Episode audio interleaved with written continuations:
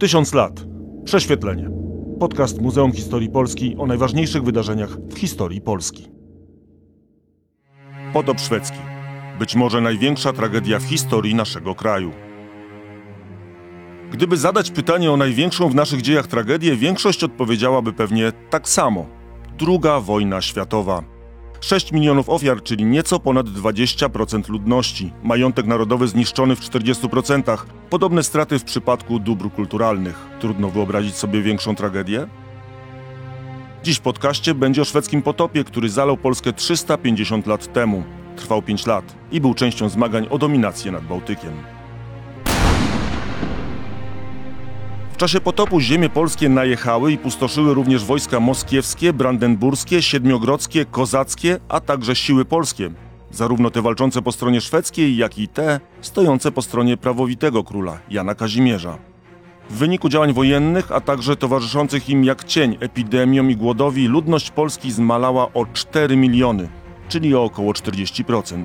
Z 11 milionów pozostało 7. Straty materialne trudno jest oszacować, ale oceniane są na 50%. Nie próbując porównać polskich katastrof ani prowadzić rankingu, warto jednak zwrócić uwagę, że obok Niemców i Sowietów największymi łupieżcami w historii Polski byli Szwedzi. Notabene nazywani przez ówczesnych często Niemcami, także dlatego, że wojsko Karola Gustawa w sporej części składało się z niemieckich najemników. Niewiele zabrakło, by katastrofa była jeszcze większa. Otóż w czasie najazdu podpisany został traktat o rozbiorze Rzeczpospolitej. Wtedy się jeszcze nie udało. Jak doszło do takiej hekatomby? Czy i czemu Polacy okazali się narodem zdrajców? Czy obrona Częstochowy okazała się momentem przełomowym? Kto był bohaterem bez skazy? Będzie też o okularach Henryka Sienkiewicza, przez które wszyscy patrzymy na potop szwedzki. Zaczęło się to wszystko w lipcu 1655 roku, gdy wojska szwedzkie uderzyły z dwóch stron, z Pomorza Zachodniego i z Infland. W sumie Karol Gustaw miał około 30 tysięcy żołnierzy. Początkowo plany najeźdźców były stosunkowo skromne. Chcieli opanować Prusy Królewskie, ale wypadki potoczyły się szybko. Ale zanim o tym niewiele brakowało, aby do najazdu w ogóle nie doszło. Po pierwsze, Szwedzi wiedzieli, że po zakończeniu wojny trzydziestoletniej muszą uderzyć. Ich nowoczesne wojsko nie mogło zbyt długo stać pod parą. Nie byłoby go za co utrzymać. Groziło to też buntami. Według wyliczeń szwedzkiego historyka 20-tysięczna armia konsumowała dziennie 15 ton chleba, spożywała mięso z 70 do 100 sztuk bydła. Równocześnie dla wykarmienia koni potrzeba było 30 ton paszy, jaką zbierano z 50 hektarów ziemi. Do tego żołnierze wypijali dziennie 6 tysięcy litrów piwa. Pytaniem był cel ataku. Strategzy długo zastanawiali się, czy ma być to Moskwa czy Polska, a może Dania? Strategicznej decyzji pomogło powstanie Bogdana Chmielnickiego i najazd Moskwy na Litwę, a pretekstem był upór Jana Kazimierza, by używać tytułu króla Szwecji. Wtedy na scenę wszedł pierwszy z długiej galerii polskich zdrajców, Hieronim Radziejowski. Część pierwsza. Zdrada.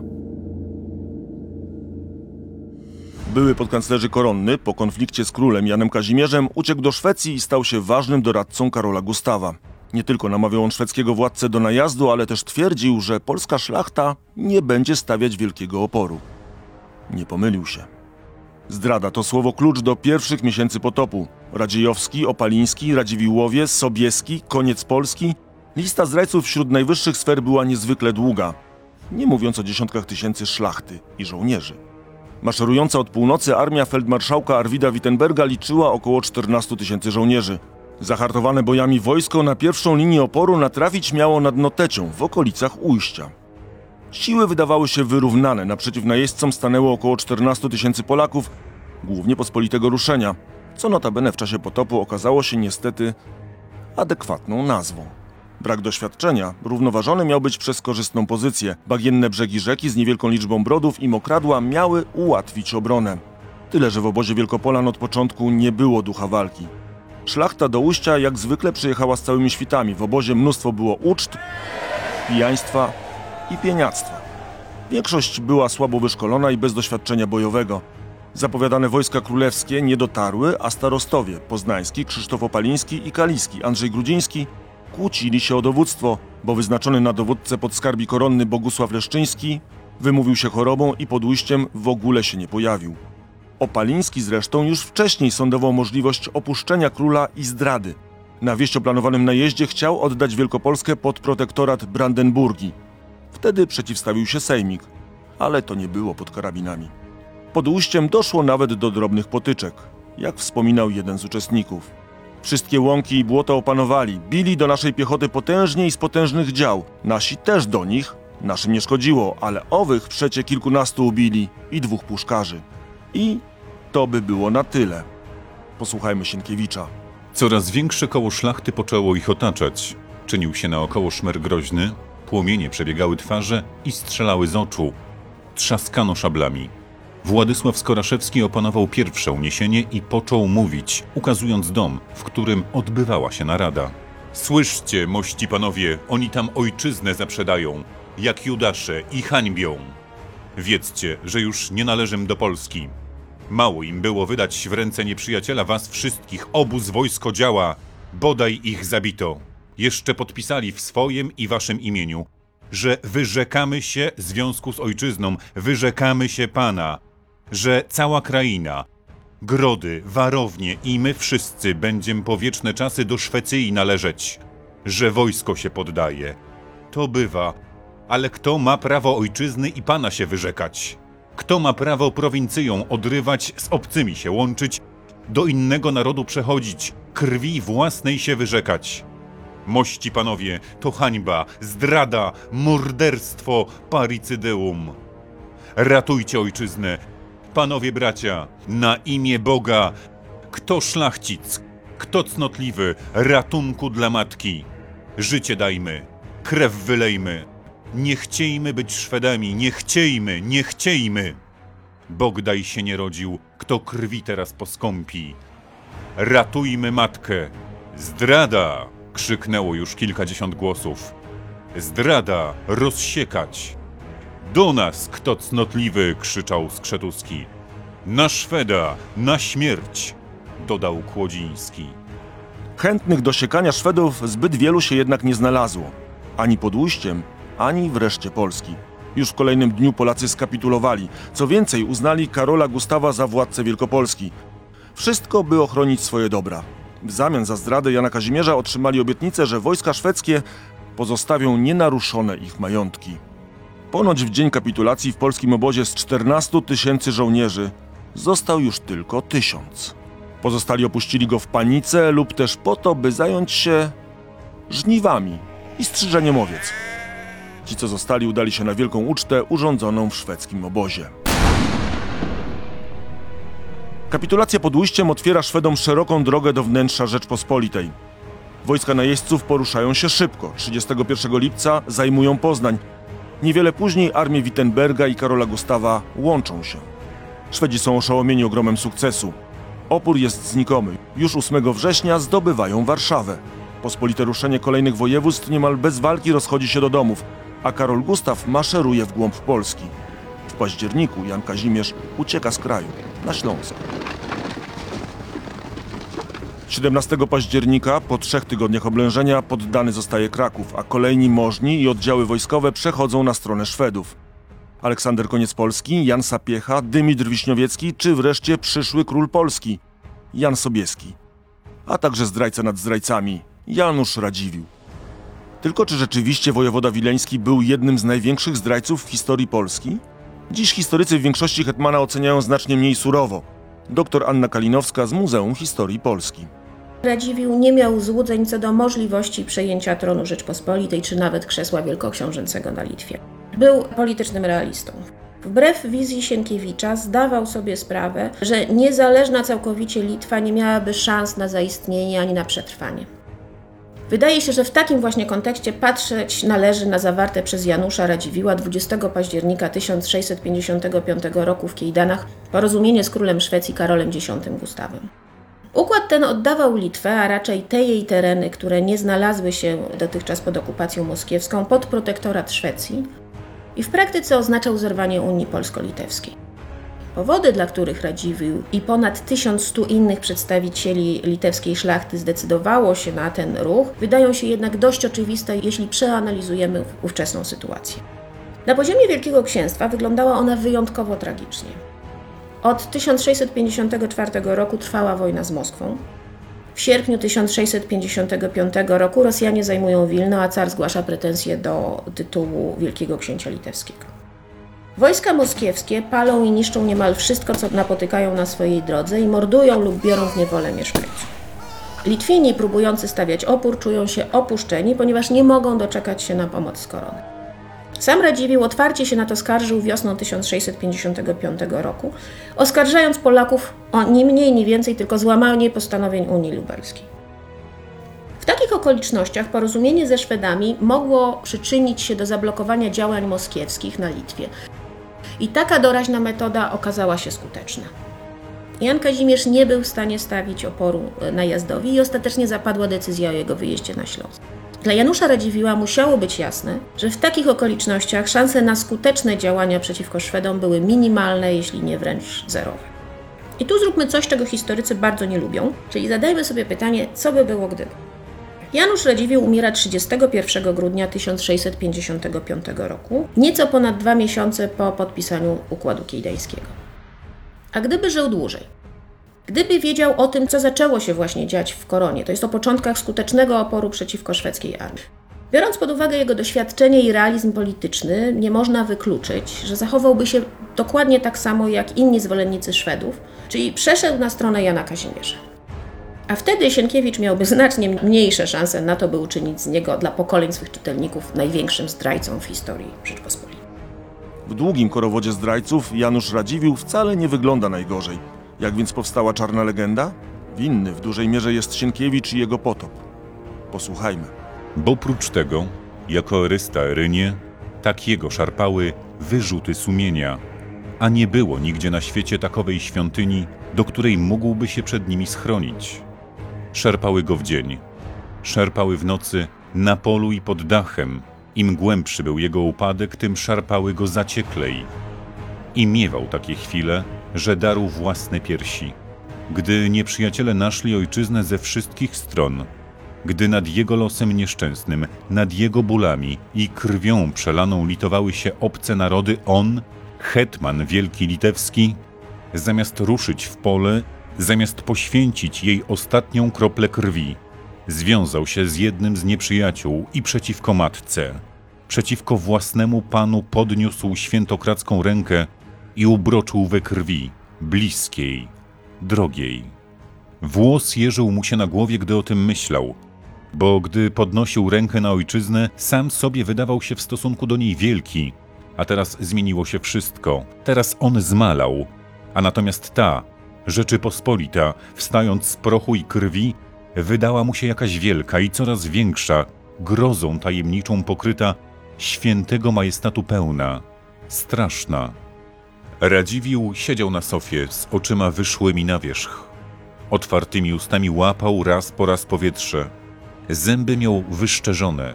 Rękoma darł sofę, na której siedział i patrząc z przerażeniem w głąb komnaty, krzyczał, a raczej chrapał między jednym oddechem a drugim. To Radziejowski. Ja nie. Ratunku. Czego chcecie? Weźcie tę koronę. To Radziejowski. Ratujcie, ludzie! Jezus! Jezus! Mario! To były ostatnie słowa Radziwiła. Radziwiłł umarł w grudniu 1655 roku, zanim mógł odwrócić bieg historii. Ale i inni z ławy oskarżonych mieliby argumenty za uniewinnieniem. Trudno znaleźć słowa obrony dla Radziejowskiego, bo wyrównywał wyłącznie osobiste krzywdy. Ale już Opaliński pod ujściem? Miał bronić Wielkopolski, dysponując tylko pospolitym ruszeniem i piechotą łanową, która też zresztą nie miała doświadczenia? Do obozu nie dotarły wojska królewskie, ba, nie pojawił się nawet nominalny dowódca. Na odgłos pierwszych wystrzałów jego wojska rozpieszkły się po całej Wielkopolsce. Do tego szwedzka propaganda nazywała konflikt starciem dynastycznym dwóch wazów. Można powiedzieć, że szlachta wielkopolska nie tyle zdradzała kraj, co zmieniała władcę. Z tej samej rodziny, choć Karol Gustaw był wazą tylko po kądzieli. A nie tylko Radziejowski, ale też m.in. Opaliński czy Radziwiłł i wielu innych wielmożów z Janem Kazimierzem miało mocno na pieńku. Podobne powody pojawiły się w związku z kapitulacjami kolejnych dowódców wojskowych i całych województw, które też porzucały prawowitego władcę. Tym bardziej, że Karol Gustaw nie tylko wydawał się lepszym władcą, Obiecywał Polakom także wspólną walkę przeciw Moskwie i powstaniu kozackiemu, a także powstrzymanie swojego wojska od rabunku.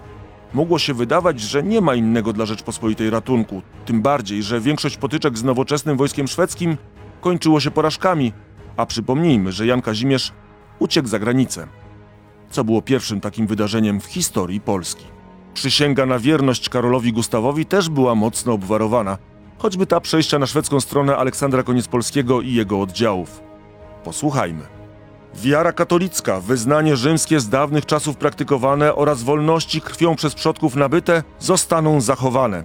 Dobra ziemskie będą wolne od ciężarów wojskowych. Wojsku kwarcianemu zostanie zapłacony żołd, ale żołnierze nie będą obowiązani do składania wojskowej przysięgi. Prowincje zajęte przez wrogów zostaną odzyskane, a następnie włączone do korony. Godności urzędy udzielane będą tylko miejscowej, osiadłej szlachcie. To jeszcze o postawie samych żołnierzy. Ówczesny kronikarz Wespezjan Kochowski. Żołnierze natomiast utrzymywali, że wypowiadając prawowitemu królowi posłuszeństwo, bynajmniej nie łamią wierności i nie sprzeniewierzają się dawnym zwyczajom. Jedno bowiem i drugie. Droższe im jest nad życie, lecz że tylko na pewien czas ustępują przed przeciwnościami, a żeby nie stać się pastwą nieprzyjaciół, wszystkich ich jednocześnie na siebie rozgniewawszy, chcą przynajmniej jednego z nich ułagodzić. W świetle tych wydarzeń, jak napisała wybitna znawczyni epoki profesor Urszula Augustyniak, przejście rzesz szlachty i magnaterii na stronę Karola Gustawa wydaje się, jeśli nie usprawiedliwione, to przynajmniej zrozumiałe. I jedyne co trzeba było zrobić, to złamać przysięgę. Część druga. Wielki rabunek. Tyle, że to broń obosieczna. Najtrudniej złamać przysięgę po raz pierwszy. Tym bardziej, że druga strona wcale swoich obietnic nie zamierzała dotrzymywać. Zwłaszcza jeśli chodzi o rabunek. Wojna musi utrzymać się sama. To doktryna, która wtedy obowiązywała w całej Europie. Wojska szwedzkie w czasie wojny trzydziestoletniej doprowadziły ją do perfekcji. Szwedzkim bojakom na widok dóbr w Polsce musiały się świecić oczy. Karol Gustaw, przyrzekając, że wojsko nie będzie łupić, musiał wiedzieć, że tej obietnicy nie będzie mógł spełnić. Sam zresztą mawiał. Za pomocą żelaza, którego przyroda nam nie poskąpiła, możemy zaopatrzyć się w złoto. Taktycznie powstrzymywał więc armię od grabieży w pierwszych tygodniach wojny. Ale potem, gdy już spuścił ze smyczy ogary, zaczęła się grabież na niespotykaną dotąd skalę. Szwedzi, ze zwykle chaotycznej i spontanicznej czynności, stworzyli system. Król mianował nawet specjalnego urzędnika do katalogowania łupów. Risk Antiquario. To pierwszy na świecie urząd antykwariusza państwowego. Jak to działało? Oddajmy głos dr Anni Kalinowskiej. Polski pech polegał właśnie na tym, że mieli oni już spore doświadczenie wyniesione z czasów wojny trzydziestoletniej, podczas której złupili na przykład Czechy i wywieźli do Szwecji choćby zbiory sztuki z Hradczan czy słynną bibliotekę Załomuńca. Dużej części najcenniejszych obiektów zrabowanych w Czechach nie ma już jednak w Szwecji. Królowa Krystyna wywiozła je po swojej abdykacji do Włoch, a ostatecznie trafiły one do zbiorów watykańskich. Zdobyczami wojennymi zainteresowani byli, oczywiście w różnej skali, praktycznie wszyscy. Szeregowi żołnierze, oficerowie, wyżsi dowódcy i władcy. W 1648 roku młoda królowa Krystyna listownie instruowała swoich ludzi, co dokładnie mają zdobyć dla niej w Pradze. Kilkanaście lat później Karl Gustav Wrangel stworzył największą ówczesną prywatną bibliotekę w Szwecji właśnie dzięki łupom, które udało mu się zgromadzić w czasie kariery wojskowej. Kolekcja Wrangla dotrwała do naszych czasów nietknięta, a nawet powiększyła się nieco właśnie o Polonika, bo dopiero w latach 70. XX wieku odnaleziono skrzynie ze znieskatalogowanymi wcześniej polskimi książkami. Oczywiście co jakiś czas powraca pytanie o restytucję zrabowanych dzieł sztuki, książek i rękopisów. Sprawa jest jednak bardzo skomplikowana z prawnego i historycznego punktu widzenia. Jeśli bowiem pierwotni właściciele mieliby odzyskać to, co do nich należało, to czy Biblioteka Watykańska powinna oddać Czechom na przykład książki i rękopisy, które królowa Krystyna wywiozła do Rzymu? I do kogo miałby trafić hełm Iwana Groźnego, zdobyty najprawdopodobniej w Warszawie w 1655 roku, który znalazł się tam zapewne w czasach Wielkiej Smuty, po tym jak polskie oddziały zdobyły Kreml? Wracając do potopu. Oczywiście rabowali szeregowi żołnierze, oficerowie, ale największe łupy zdobywali dowódcy. A największe z największych brał król. Jakie? A choćby takie jak w listopadzie w Warszawie. donosił wysłannik królowej Ludwiki Marii Gonzagi. Kazał poobdzierać obicia w trzech pałacach i powyjmować marmurowe ściany. Rozebrać lożę w ogrodzie złożoną z 32 pięknych kolumn marmurowych, które przy rozbieraniu potłuczono. Lecz to nie dosyć. Każe brać okna i szyby. Warto dodać, że Karol Gustaw, choć złożył obietnicę, że nie ruszy dóbr kuzyna, obrabował także rezydencję pary królewskiej. Splądrowany został nie tylko Zamek Królewski, ale także inny z pałaców należących do Wazów Villa Regia. O skali rabunku mogliśmy się przekonać naocznie kilka lat temu. Dzięki niskiemu stanowi Wisły, mniej więcej na wysokości warszawskiej cytadeli, wydobyte zostało około 20 ton fragmentów barokowej architektury, pochodzącej głównie właśnie z Pałacu Wazów, zwanego obecnie Kazimierzowskim. Wśród wyrąbanych i zapakowanych na barkę skarbów były gzymsy, łuki, portale czy fragmenty fontan. Spora część znalezisk trafiła do Muzeum Historii Polski. Kamienne skarby, poskładane jak puzzle, mają odtworzyć arkadę o szerokości 15 i wysokości 4 metrów. Ale ucierpiała nie tylko Warszawa. Z Krakowa sam Wittenberg zabrał 50, a gubernator Wirz 80 furgonów łupów. Wawel i katedra były łupione ośmiokrotnie. Żołdacy wyrwali nawet dwa srebrne gwoździe z trumny Władysława IV, ołtarz świętego Stanisława osobiście ze srebrnych blach obdzierał Wirc. Z zamku lubomirskich w Wiśniczu łupy wywiezione zostały na 150 wozach. I tak wyglądało to w całej Polsce. Jeden z wojaków tak pisał do żony. To, co używane, możesz zatrzymać, mój aniele. Resztę sprzedać za gotówkę. Innym razem. Nie zapomniałem też o pościeli i postaram się przesłać cztery wytworne łóżka. Na dwie osoby oraz cztery ditto prostsze, lecz jednak pańskie. Rabunek obejmował wszystko. Wojskowi zeskrobywali nawet złocenia ze ścian, ale też demontowali fragmenty architektury, zrywali podłogi. O skali mogliśmy się przekonać jeszcze raz. Kilka lat temu, gdy z Wisły wydobyta została zatopiona barka z łupami. Były to m.in. kolumny czy kamienna fontanna. Rabowano też księgozbiory. Szwedzi ograbili do cna 67 z nich, a do tego 17 archiwów. Królewscy specjaliści przeglądali biblioteki, a najcenniejsze książki ładowali do zalewanych smołą beczek i wysyłali za morze. Zamiłowanie do grabienia bibliotek czyni Szwedów wyjątkowymi. Większość ówczesnych wojskowych zdecydowanie wolała patrzeć, jak książki płoną. Bardziej systematycznym sposobem łupienia miast było nakładanie na nie kontrybucji. Warszawa musiała płacić je trzykrotnie, a i tak nie ochroniło jej to przed rabunkiem. Nie tylko zresztą ze strony Szwedów, ale także Brandenburczyków i Siedmiogrodzian Rakoczego. Po drugim zdobyciu stolicy Karol Gustaw wywiózł z niej siedem statków pełnych łupów. Łupiono zresztą nie tylko miasta zdobyte, ale nawet te, które się poddały. Kapitulacja nie była więc sposobem na uniknięcie rabunku.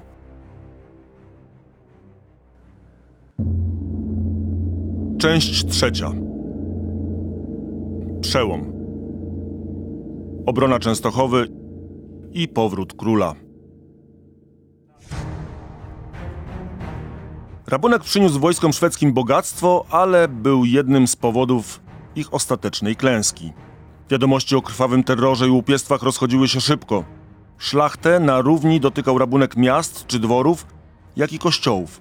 Najeźdźcy, w dużej mierze luteranie, nie mieli żadnych oporów, by ogołacać także świątynie, co przez ludność polską uznawane było za świętokradztwo. Tak najazd przekształcał się w wojnę religijną. Garnący się pod szwedzkie sztandary w pierwszych tygodniach wojny, pod koniec 1655 roku coraz częściej porzucali nowego władcę, a ci, którzy pozostali wierni Janowi Kazimierzowi, coraz odważniej zaczęli podnosić głowę. Pewnie wszyscy dokładnie pamiętamy, jak załamała się szwedzka potęga.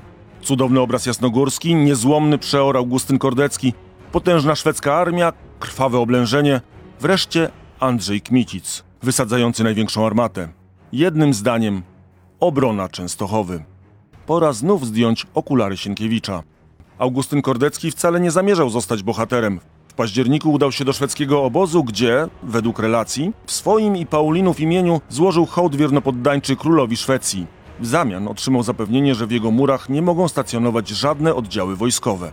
Obietnice obietnicami, ale przezorny przeor już w sierpniu nakazał wywiezienie z klasztoru większości skarbów, a jesienią także obrazu Czarnej Madonny. W ołtarzu na Jasnej Górze zawisła kopia. Nie zapomniał też o skompletowaniu załogi, która składała się z około 250 żołnierzy i zaopatrzeniu w zapasy amunicji i żywności. Miał nosa. Na początku listopada pod mury z niewielkim oddziałem podszedł Czech Jan Wrzesowicz. Kordecki zatrzasnął przed nim bramy. Dwa tygodnie później pod Jasną Górą stanęły siły generała Burcharda Müllera. Wbrew Sienkiewiczowi nie była to jednak wielka armia. Do tego kompletnie nieprzygotowana do oblężenia. Niemiec miał pod sobą około 3000 żołnierzy, ale dysponował zaledwie setką piechoty i kilkoma lekkimi działami. Do tego znaczną część jego wojska stanowili Polacy, którzy w większości odmówili aktywnego udziału w oblężeniu. O zdobyciu Jasnej Góry szturmem nie mogło być mowy. Dopiero 10 grudnia pod murami zagrzmiały złowrogo ciężkie działa, które zaczęły robić krzywdę murom. Wśród armat, które dotarły pod Częstochowę, nie było jednak osławionej kolubryny, z którą miał rozprawić się Kmicic. Do tego działa nie miały zbyt dużo amunicji. Nie było też ciężkiego ostrzału. Przez 48 dni oblężenia armaty grzmiały tylko przez 12 dni. Większość czasu minęła na pertraktacjach. Szwedzi nie przeprowadzili ani jednego szturmu na Jasną Górę. Najprawdopodobniej zginął tylko jeden żołnierz obrońca, zastrzelony zresztą omyłkowo przez swoich i trzech szlachciców, którzy dołączyli do załogi twierdzy. Straty napastników to w sumie kilkunastu żołnierzy i kilku górników kopiących podkop. Szwedzi odstąpili od oblężenia 27 grudnia. Nie było więc to wydarzenie ważne militarnie. A czy propagandowo? Jak napisał w książce Święta po polsku Tradycje i skandale Sławomir Koper, praktycznie nie wspominano o nim w pamiętnikach z tamtych lat, a cała sprawa zdobyła pewien rozgłos dopiero trzy lata później. Wówczas bowiem Przeor wydał nową gigantomachię, gdzie opisał obronę klasztoru, dając do zrozumienia, że w walkę z heretykami zaangażowały się siły nadprzyrodzone. To teoria przesadzona. Obrona Częstochowy zrobiła jednak na Polakach wrażenie przede wszystkim ze względów religijnych. Szwedzi podnieśli rękę na jeden z najświętszych przybytków. Ale było to tylko jedno z ciągu wydarzeń. Karta wojny się odwracała. Jako pierwsi wystąpili ci, którzy pierwsi się poddali. W Wielkopolsce narastał ruch partyzancki. Szwedzi odpowiedzieli brutalnymi pacyfikacjami. Do tego rósł rabunek, co tylko przyspieszało narastanie antyszwedzkich nastrojów. Przeciw najeźdźcom masowo zaczęła występować nie tylko szlachta, ale też chłopi. Zaczynało się ludowe powstanie. Osobliwością naszego marszu, pisał w pamiętniku jeden ze szwedzkich oficerów, było, że nie tyleśmy ponieśli szkody od oddziałów regularnych, co od gromad podłego pochodzenia i od zwykłych band rozbójniczych, gęsto czających się w lesie, w zaroślach przydrożnych, wszędzie, gdzie w zasadce można zaczaić. Nie szukając zwycięstwa, dopadają, a zadawszy szkody, znikają i rozpraszają się tak, iż ścigać nie ma kogo. Barbarzyński sposób toczenia wojny. Ale właśnie z tak prowadzoną wojną Szwedzi będą się spotykać do końca najazdu. W podobny sposób walczyły nie tylko pojedyncze oddziały powstańcze. Jeszcze o tym będzie. Zaledwie dwa dni po zakończeniu oblężenia Jasnej Góry miało miejsce wydarzenie, może najważniejsze dla losów wojny. Dwaj niedawni zdrajcy, hetmani koronni Stanisław Rewera Potocki i Stanisław Lanskoroński, znów zmienili front.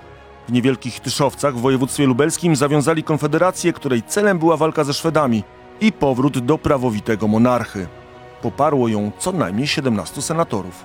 Wieści o wzrastającym oporze spowodowały, że Jan Kazimierz postanowił wrócić do kraju.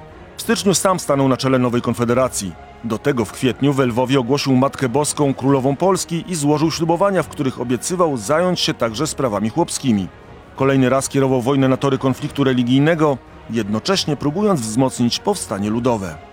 Dopiero teraz zaczęła się prawdziwa wojna. Tymczasem Karol Gustaw postanowił zrealizować pierwotne zamierzenia. Skierował wojsko na północ i bez wielkiego oporu zajął Prusy Królewskie, wyjąwszy Malbork, Puck i Gdańsk. Teraz, po realizacji planu, postanowił ostatecznie rozprawić się z Janem Kazimierzem i mogło się wydawać, że nadal znajduje się pod dobrą gwiazdą. W lutym dopadł pod Gołębiem oddziały Czarnieckiego. Wojska regimentarza były znacznie słabsze, do tego bitwa odbyła się w niesprzyjających dla Polaków warunkach. Wobec szwedzkiego ognia artyleryjskiego Czarniecki został zmuszony do desperackiego odwrotu. W obozie szwedzkim odtrąbiono wielkie zwycięstwo. Czy było nim rzeczywiście? Posłuchajmy niemieckiego, sprzyjającego Szwedom kronikarza. Porzuciwszy przeto walkę, szukają ocalenia wrączości koni, a ścigający Szwedzi siedzą im na karkach i wycinają aż do piątej mili. Zginęło kilkuset Polaków. Wielu wzięto do niewoli. Gdyby wierzyć tej relacji bezkrytycznie, mogłoby to oznaczać zniesienie korpusu Czarnieckiego. Nic bardziej mylnego. Czarniecki pozbierał swoje wojsko już następnego dnia. Bo choć może zaczęło się od falstartu, to Szwedzi właśnie spotkali się z nową formą prowadzenia kampanii wojną szarpaną, firmową strategią Stefana Czarnieckiego. Część czwarta. Bohater nie bez skazy.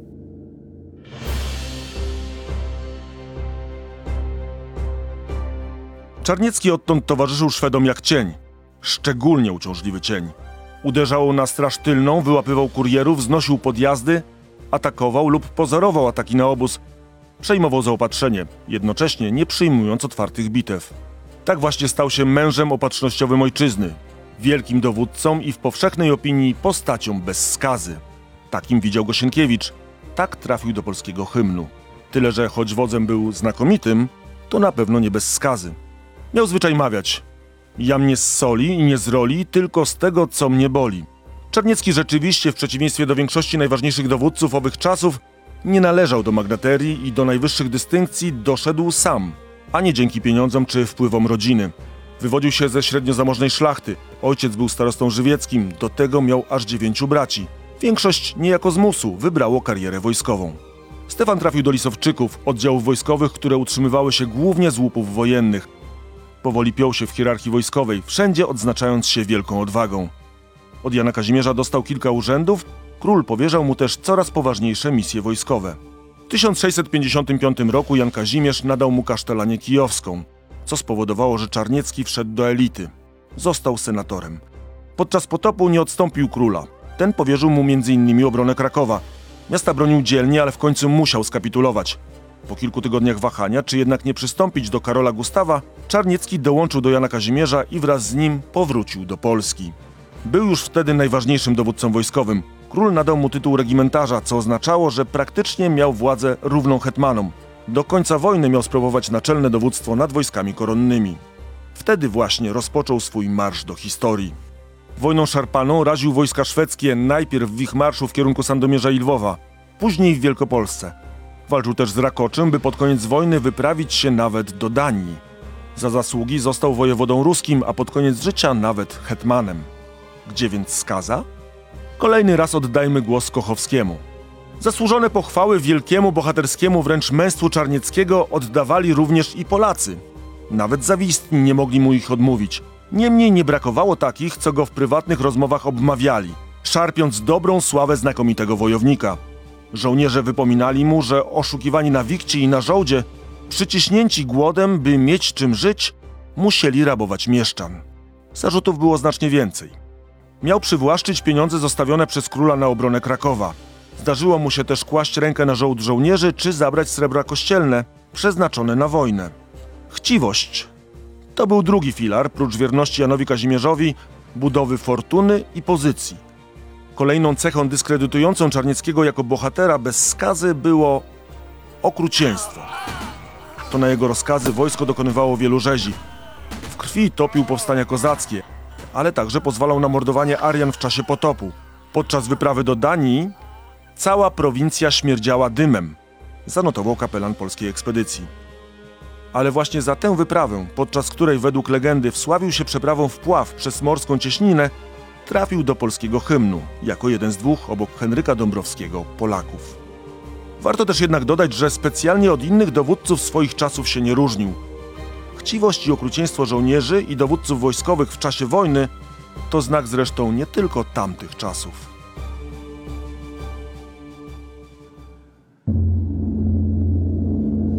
Część piąta. Niedoszłe rozbiory.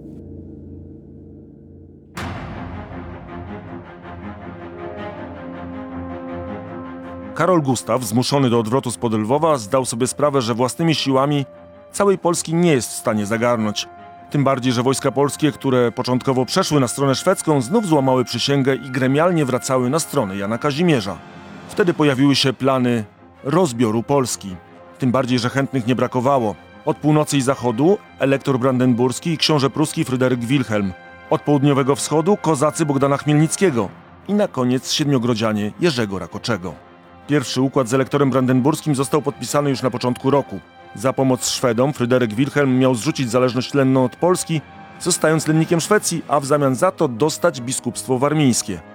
W grudniu podpisany został formalny traktat z Zamku Rakoczego w Radnot. Elektor miał zająć także województwa poznańskie, kaliskie, łęczyckie i sieradzkie. Szwedzi zagarnąć Prusy Królewskie, Kujawy, Północne Mazowsze, Żmudź, Inflanty i Kurlandię. Rakoczy pozostałe ziemie Polski z Krakowem, a Bogusław Radziwił województwo nowogródzkie. Ziem, które miały trafić do kozaków, nie sprecyzowano. Złowrogi traktat wobec wybuchu wojny szwedzko-duńskiej i klęski wyprawy na Polskę Rakoczego pozostał na papierze. Być może dlatego, że nie próbowała przystąpić do niego Moskwa, której nie w smak był wzrost potęgi szwedzkiej. Car wypowiedział wojnę Szwecji, a z Polską zawarł rozejm. Wielkiej europejskiej rozgrywce, jaką była II wojna północna, z zapartym tchem przyglądała się cała Europa. Wzbudzała ona emocje nie tylko wśród rządzących, ale nawet u zwykłych zjadaczy chleba. Posłuchajmy jeszcze raz dr Anny Kalinowskiej.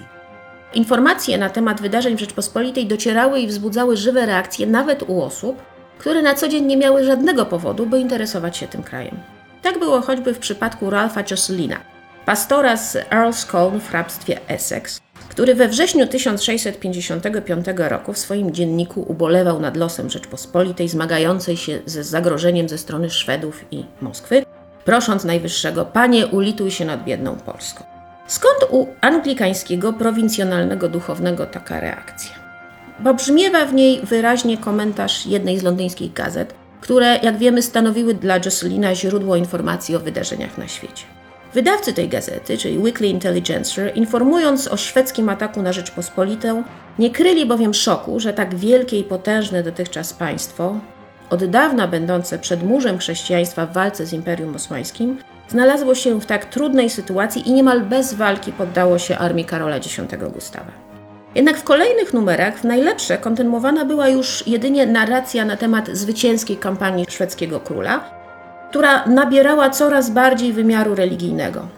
Sukcesy Szwedów miały być dowodem tego, że sprzyja im boska opatrzność. W tym samym czasie paryska Gazette, czyli gazeta związana z dworem francuskim, który sympatyzował z Janem Kazimierzem, prezentowała wydarzenia w Polsce w zupełnie innym świetle. Co prawda we Francji też nie kryto zaskoczenia rozwojem wypadków, ale koncentrowano się raczej na próbach zorganizowania przez Jana Kazimierza oporu wobec najazdu.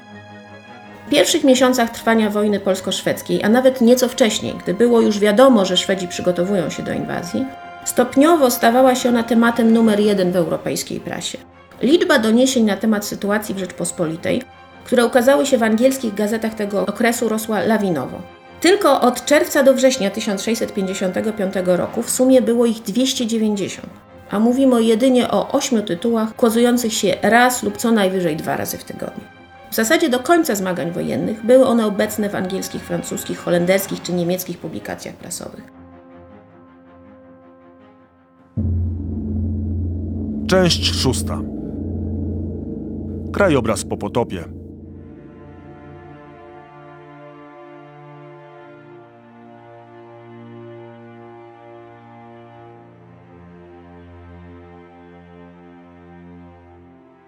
Wojna z Szwecją trwała w sumie 5 lat, do 1660 roku. Jak się zakończyła? Jeszcze raz posłuchajmy Sienkiewicza. Żadna księga nie wypisała, ile jeszcze bitew stoczyły wojska, szlachta i lud Rzeczypospolitej z nieprzyjaciółmi. Walczono po lasach, polach, po wsiach, miasteczkach i miastach. Walczono bez wytchnienia. We dnie i w nocy. Każda grudka ziemi nasyciła się krwią. Nazwiska rycerzy, prześwietne czyny, wielkie poświęcenia zginęły w pamięci, bo nie zapisał ich kronikarz i nie wyśpiewała lutnia, ale pod potęgą tych usiłowań ugięła się wreszcie moc nieprzyjacielska. I jako gdy wspaniały lew, który przed chwilą przeszyty pociskami leżał jak martwy, podniesie się nagle, a wstrząsnąwszy królewską grzywą, ryknie potężnie, wnet myśliwców przejmie strach blady i nogi ich zwracają się ku ucieczce, tak owa Rzeczypospolita powstawała coraz groźniejsza, jowiszowego gniewu pełna, światu całemu stawić czoło gotowa, w kości zaś napastników zstąpiła niemoc i strach. Król szwedzki, pierwszy zwątpiwszy o sprawie, na duńską wojnę odjechał. Zdradziecki elektor, korny przed silnymi, zuchwały przed słabszymi, czołem do nóg Rzeczypospolitej uderzył i Szwedów bić począł. Zbójeckie zastępy rzeźników Rakoczego zmykały co siłku swym siedmiogrodzkim komyszom, które pan Lubomirski ogniem i mieczem spustoszył. Odbudowywały się ze zgliszczów wsie i miasta. Ludność wracała z lasów.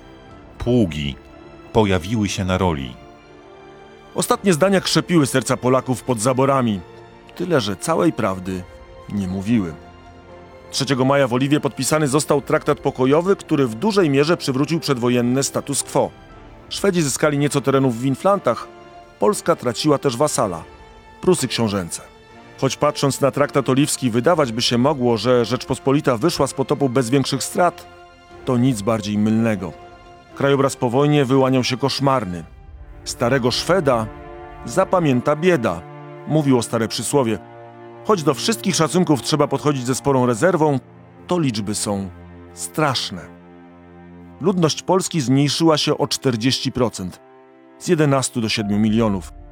Warszawa według części badaczy straciła 90% ludności. Straty materialne? Niemal 200 kompletnie zburzonych miast i miasteczek. Z map zniknęło też kilkadziesiąt zamków, a także wiele wsi. Zrujnowano niemal 100 pałaców, ponad setkę kościołów, setki młynów, browarów, kuźni, żub czy karczm. Miasta, które przetrwały, też przedstawiały widok jak po apokalipsie.